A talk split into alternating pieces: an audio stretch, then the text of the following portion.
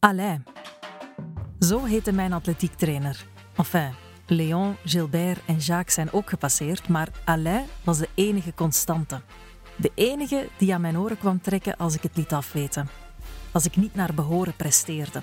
Of als ik te veel aandacht gaf aan Daan, zijn zoon en mijn eerste liefje.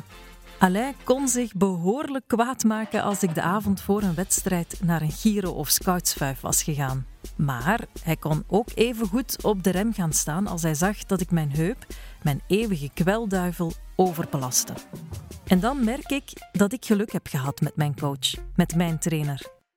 Anne-Sophie Mestag, de tennister, die de grote doorbraak net niet kende, heeft minder warme herinneringen aan een van haar coaches en entourage.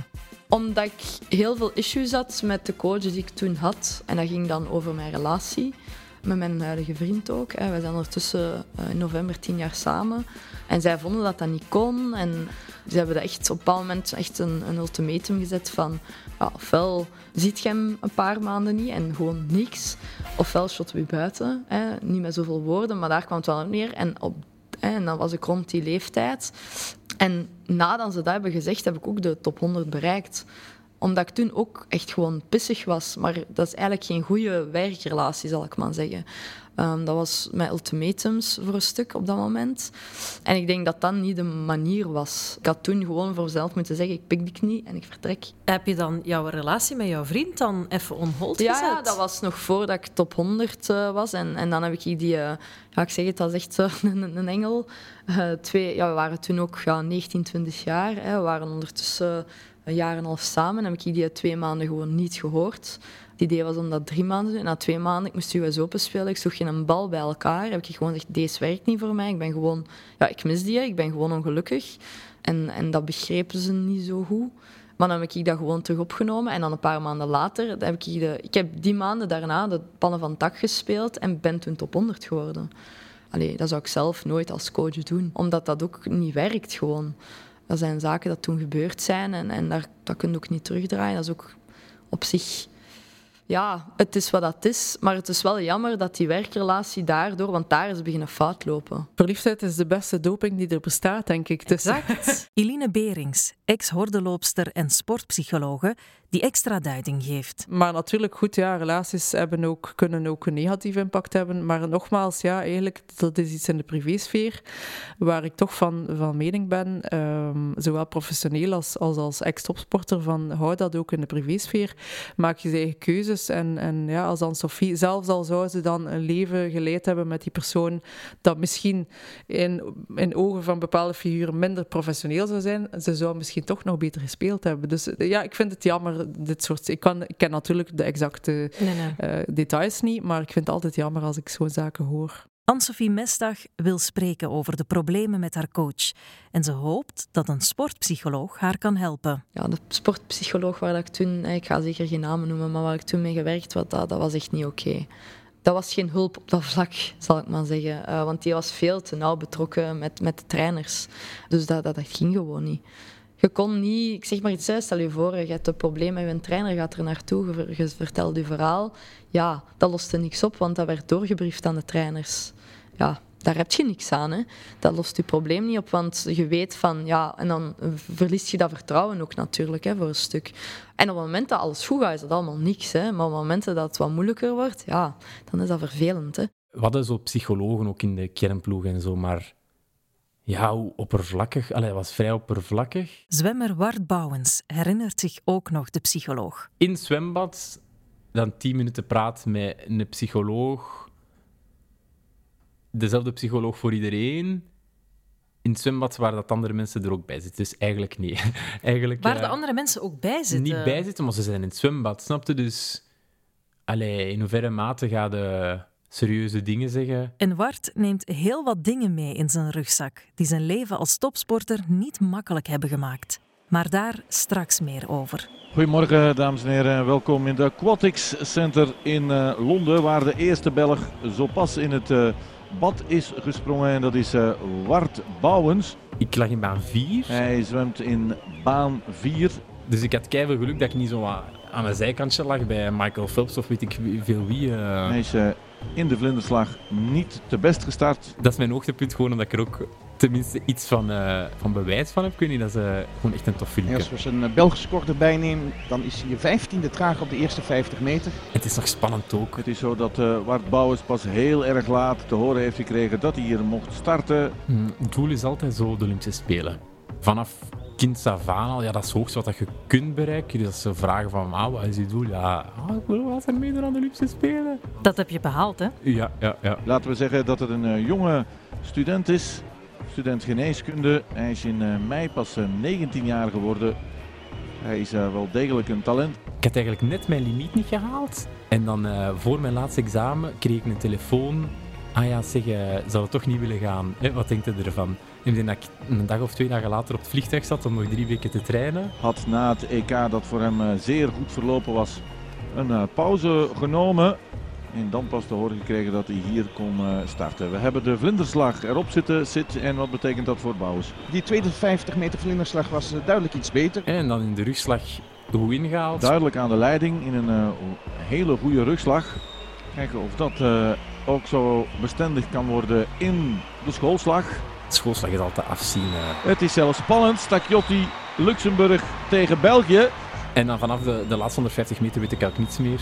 Omdat ik twee badmutsen aan had en, uh, en dat mijn hersenen niet genoeg bloed hadden. En het is uh, Bouwens die het uh, gaat halen. Hij wint deze reeks 2 in 4.16.71.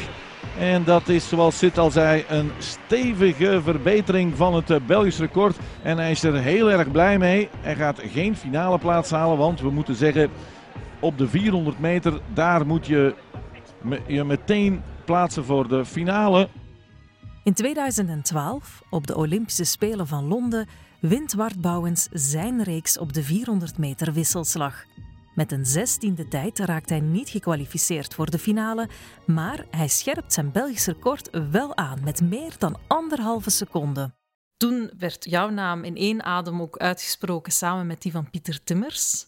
Er had nog zoveel kunnen volgen ook. Hè? Ik bedoel, dat waren uw eerste spelen. Het hadden daarom niet uw laatste spelen moeten zijn.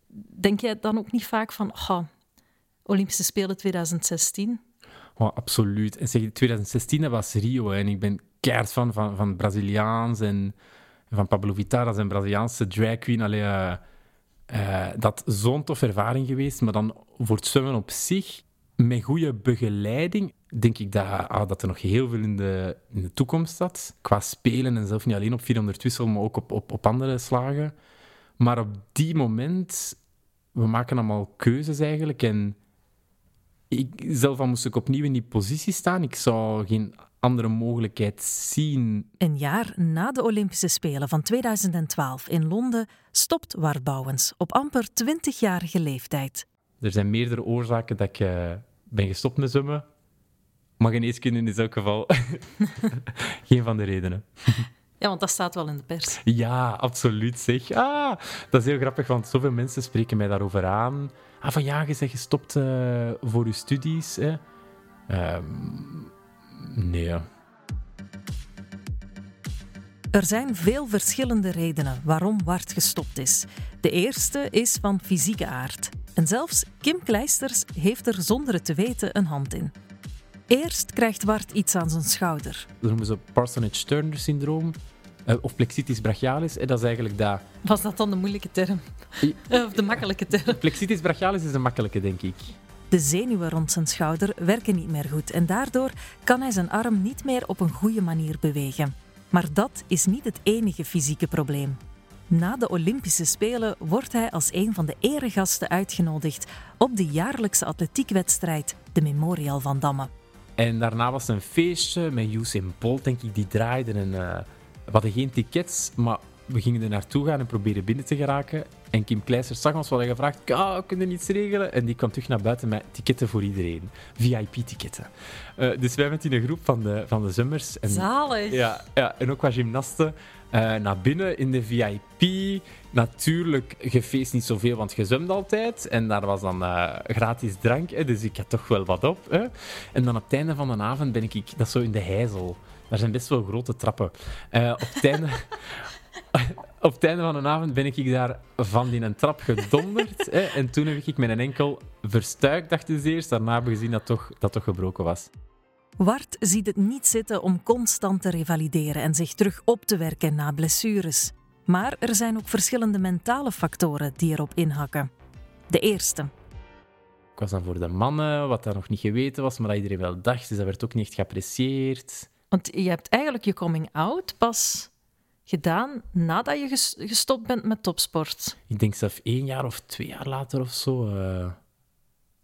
Maar voor alle duidelijkheid, je wist het zelf wel al langer. Iedereen zag dat.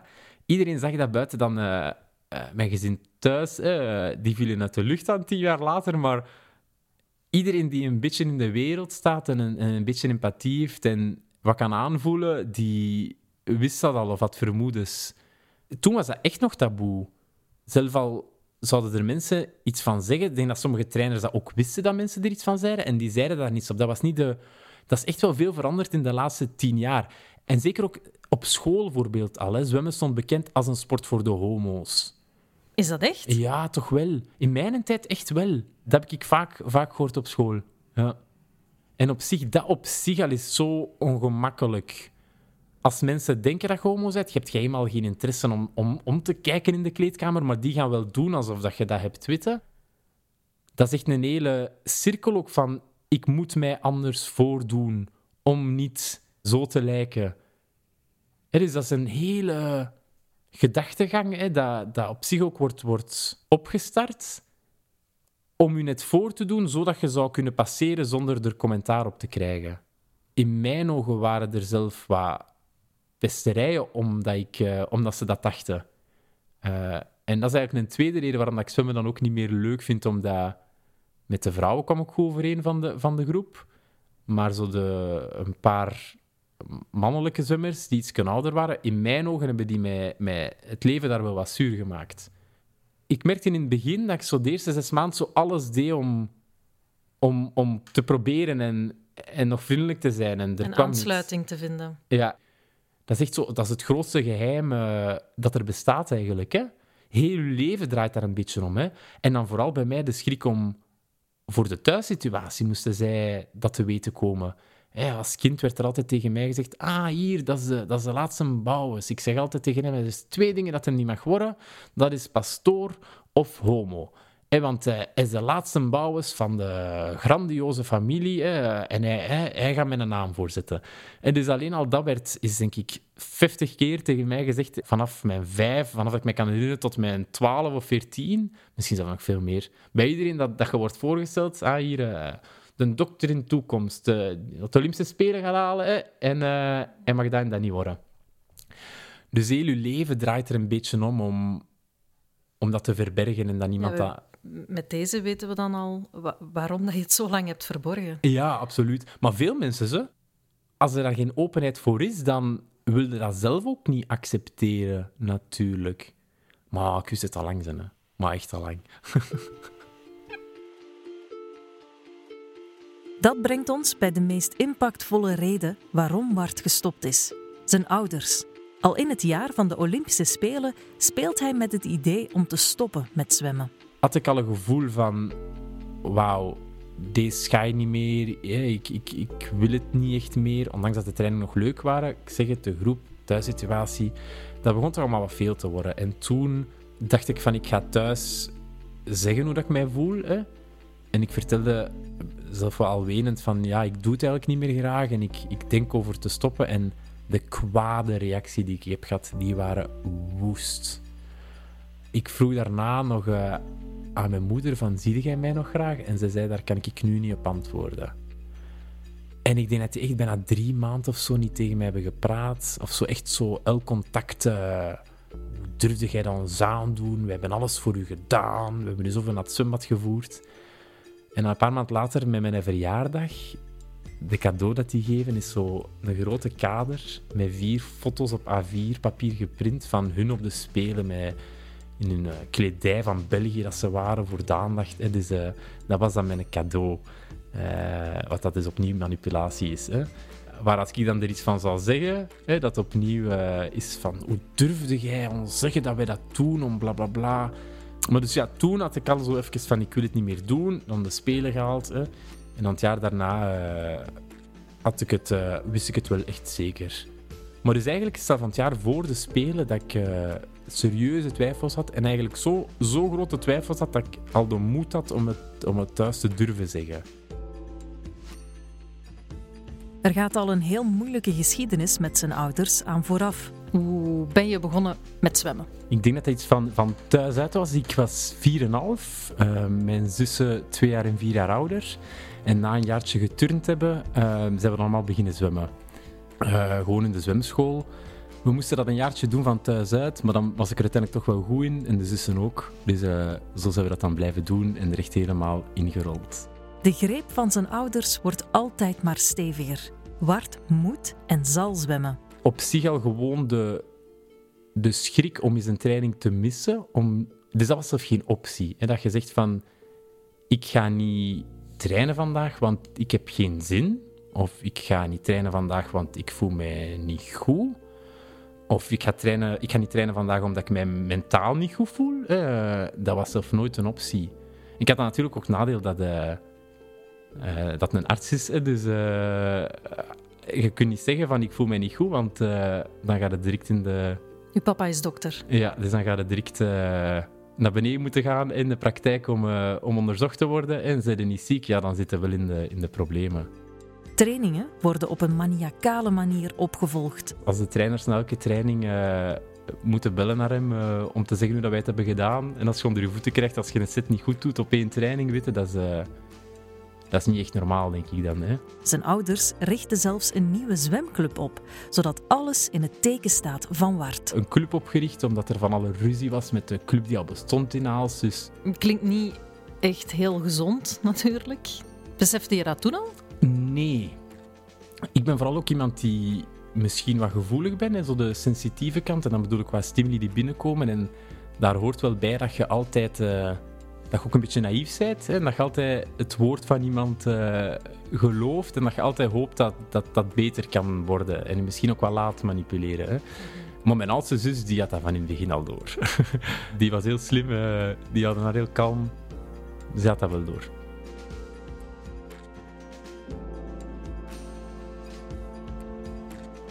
Uiteindelijk gaat Wart naar de topsportschool en kan hij weg van huis, weg van zijn ouders. Dan heeft hij toch uit handen gegeven. Dat is een heel goede vraag dat je stelt. Want uh, ik wou eigenlijk zelf naar de topsportschool gaan. Misschien is dat ook een beetje teken dat je ja, eigenlijk toen was dat meer van ik wil, ik wil het beste niveau hebben, ik wil ook meer zwemmen. Hè, en dat was niet mogelijk in Aalst. Hij had dat eigenlijk een tijd geblokkeerd met de reden van het onderwijs is niet genoeg. Uh, maar natuurlijk gaat dat ook wel wat voor zo'n persoonlijkheid om controle. Uh, maar dan was er een, van heel een heel discussie met de topperscholen. Uh, minimum acht uur wiskunde moeten hebben. En dan hadden we extra lessen dat er een extra leerkracht nog vier uur extra moest geven. En ik moest dan de examens nog meedoen in mijn oude school van Aalst. Om toch een hoog niveau te hebben. Waardoor ik dus helemaal niet populair was in de topsportschool bij de leerkrachten. Want dat was... Je voelde nu te goed. Eh, ja, hè, dus uh, zelf al was dat niet mijn keuze. En werd ik wel uh, bestempeld als degene die te slim is of zich te goed voelt voor, ah, ja. uh, voor de topsportschool. Dus uiteindelijk ehm, heeft hij mij wel laten gaan. Hè. Dat is eigenlijk interessant, want dat is de, de moment dat mijn, uh, mijn zus ook was weggegaan van thuis. Hè, dus volledig alles had verbroken. Dus eigenlijk was dat een beetje mijn chance ook. Hè, dat dat net allemaal was goedgekeurd en dan is ze weggegaan. Dus uh, dat ik zelf ook eigenlijk hè, op internaat zat. Je bedoelt, je zus had, had alle contact ook met je papa, met uw vader verbroken? Ja, volledig. Ik zeg het, hè, die had dat altijd al door. Die heeft braaf geknikt en uh, bij haar eigen sterk gehouden. Hè, dat, dat dat niet normaal is, de situatie. Dat, dat, en dat de enige optie is dat je ja, destructieve relaties uit je leven haalt. Hè. Ik denk dat daar een beetje op neerkomt. Ik denk dat dat een goede raad is voor iedereen eigenlijk. Hè. En jij bent dan op dat moment ongeveer gelijktijdig dan naar het internaat gegaan? Ik denk... Uh, dat was een paar maanden later. Dus uh, ik denk dat het in juni was dat ze weg was gegaan, 2008. En in september ben ik toen gestart, maar dat was al vastgelegd. Dus dat was echt... Uh, ik denk dat mijn zus het ook maar heeft kunnen doen, omdat, ik, uh, omdat ze wist dat ik, dat ik ook ging, uh, ging weggaan. Hè. Ah, dat ze wist dat jij beter ging af zijn. Ja, hè, want anders allee, zal had haar klein broertje ook achter, hè, zal had alles achter. Dus, uh... Er gaat een nieuwe wereld open wanneer Wart naar de topsportschool mag en een jaar later ook naar een gastgezin. En dat een heel lieve familie van uh, Jasmijn Vragen, de, die ook in de, in de kernploeg zwom, hadden aangeboden om bij hun te slapen uh, voor een jaar. En ik denk dat dat toch wel een van de grootste opportuniteiten was dat ik op jonge leeftijd heb gekregen. Om ook een, een, een andere familie te zien eigenlijk en een andere cultuur op te groeien. Uh, en dan vooral dat ze ja, een, een 15-jarige jongen in zijn puberteit was, hè, dat ze die in huis nemen met eigenlijk hele goede bedoelingen om, om, om kansen te voorzien. En dat ik eigenlijk heel veel geluk gehad dat ik bij Ronald Gaastra ben beland. Ronald Gaastra, de Nederlandse zwemcoach die voor heel wat Belgische zwemsuccessen heeft gezorgd. Denk aan Frederik de Burggraven en Pieter Timmers. Hij neemt Wart onder zijn hoede en Wart praat er nog altijd met veel warmte over. Een beetje wel met een tweede papa toen. Uh... Het doet Wart goed om bij Ronald te trainen. De Ronald heeft nog gezegd dat uh, zijn drie top uh, trainingsbeesten, dat was Fritsje, de Glen en, en Ikke dan. Gewoon zo'n set doen dat je, dat je de Ronald kunt impressioneren. Weet En het klikt ook met collega-zwemmer Pieter Timmers. Ik heb altijd super veel respect gehad voor hem uh, en we kwamen ook heel goed overeen. Na heel wat mentale en fysieke beproevingen, uren in het zwembad te hebben gezwommen en het trainingsbeest uit te hebben gehangen. Bij de Ronald. Na een passage op de Olympische Spelen. Hij zwemt in baan 4. Besluit Wart om ermee te stoppen. Ik zeg het, dat is de grootste spijt van mijn leven is niet dat ik gestopt ben, helemaal niet, is dat ik... Uh dat ik er ooit in ben beland. Wart Bouwens stopt. Maar een jaar later kondigt hij aan dat hij opnieuw zal zwemmen. Dus ik was gestopt en alleen op zich al uh, thuis was dat zo'n zo'n grote teleurstelling eigenlijk. En toen werd er ook van alles naar mij gesmeten van uh, diagnoses of gelijk wat, dat ik mij daar slecht over voelde. En ergens ook, je zit heel de tijd in dat, in dat ritme, dat je ook wat beschermt van dingen zonder ogen te zien dat ik toen een jaar later toch zoiets had van ja, ik, ik, ik moet hier opnieuw beginnen. Eigenlijk eerder voor anderen dan voor mijzelf, omdat ik nog niet de juiste zaken had om dat op te vullen. Ik moet inbeelden, als kind, uh, dat was echt zwemmen. Hè. Echt niets, niets anders dan zwemmen en studeren. En dat valt opeens helemaal weg. En wat doe je dan? En zeker als die beslissing die je hebt genomen nog eens niet wordt geapprecieerd door veel van die andere mensen. Mensen identificeren u als mens met dat zwemmen. En vanaf dat je dat dan niet meer doet, zou dat wegvallen. Die appreciatie of gelijk wat. En ook deels als schuldgevoel dan? Oh, zeker en vast. uh, maar dan had ik dat terug geprobeerd. En dan, uh, de eerste twee weken was zo... Dus in de krant stond denk ik drie weken, maar het was twee weken. De eerste week was uh, vooral fitnesstraining. En daarna begonnen we terug wat te zwemmen. En ah, absoluut geen optie. Je wist eigenlijk instant. Als we dan terug begonnen te zwemmen, ik voelde me echt gevangen. Het was geen goede beslissing om, op, om opnieuw te starten. Hè? uh, maar misschien had ik op die moment daar ook mijn reden voor om dat te proberen. Na twee weken stopt hij al met zijn comeback en besluit hij om definitief te stoppen. Ook zijn ouders reageren op het definitieve einde van de zwemcarrière van Wart. Elke moment, elke interactie zijn een teleurstelling. Die hebben dan nooit, nooit laten vallen. Wat ik mezelf niet kan inbeelden, hoe dat je dan nog extra kwaad kunt zijn en niet meer normaal doen en elk moment doen van dat is hier onze grootste teleurstelling. Dat kan ik echt niet snappen. En ik heb toen wel wat hulp gezocht bij mensen en wat proberen te vertellen over de situatie van wat dan niet normaal was. En, en de reactie die ik kreeg was, ah, maar dat zijn gewoon ouders. En het is precies of dat mensen niet konden geloven dat er iets echt niet normaal was, want ik ben een topswimmer, ik heb de Spelen gehaald, ik heb wat goede punten gehad. Moest er echt iets mis zijn, dan zou er ook echt iets mis zijn met mij. Ik denk dat dat mijn grootste prestatie is. Dat ik toch nog zo heb doorgebeten, ondanks dat de situatie thuis toch zo toxisch was. En ergens is dat spijtig, want dat zwemmen heeft dan ook wel een beetje ervoor gezorgd dat andere mensen het niet echt geloofden, omdat alles zo gezegd goed ging. Het is echt pas 2016, jaren later, ook een beetje in, de, in depressie toch wel, beland. Want dan zei ook, ja, je bent depressief, je bent bipolair, je bent schizofreen. Eh, van alle diagnoses die op mij werden geplakt, op mijn tantes werden geplakt, op mijn zus werden geplakt, dat je dat echt bent te geloven. En het is pas uh, één iemand die ik ontmoet heb die zegt: nee, nee, nee, deze is niet normaal. Lees er wat meer over. Ga eens naar een psycholoog. De psycholoog heeft mij een goed boek gegeven. Ik heb dat boek gelezen. Uh, alles is duidelijk geworden. En uh, een paar maanden later was ik, was ik uh, ook weg. Drie jaar nadat hij gestopt is met zwemmen, breekt Wart met zijn ouders. Dus dat is misschien uw grootste verwezenlijking? Ja, denk het wel. Maar ik denk dat de grootste verwezenlijking eigenlijk nu komt. In, in het laatste jaar, waar dat ik nog meer afstand er kan van nemen. En ik denk dat het echte afstand nemen, dat dat de grootste verwezenlijking is. Nu gaat het beter met Wart. En hij probeert zijn leven terug op te pikken. Topsport en alles wat erbij komt kijken, kan voor sommige mensen voor een groot trauma zorgen. Maar andere topsporters kijken net met veel nostalgie terug op hun tijd het gevoel, dat, en, en, ik niet alleen, maar dat heel veel topsporters hebben, um, het gevoel van je kan iets beter dan 99% van alle anderen in België, Europa of de wereld, afhankelijk van jouw eigen niveau, dat is een, dat is een zalig gevoel. Heel weinig mensen kennen dat. Dus ik heb dat wel mogen voelen en meemaken. Maar het nadeel dan is als je vroeg moet stoppen, dat je dan de rest van je leven wel tot de constatatie moet komen van ja, ik, ik vind dat nergens anders terug. In de volgende aflevering hoor je basketbalspeler Jorn Steinbach. Hij praat over de kick van topsport. En je hoort ook hoeveel geld topsporters na hun carrière overhouden.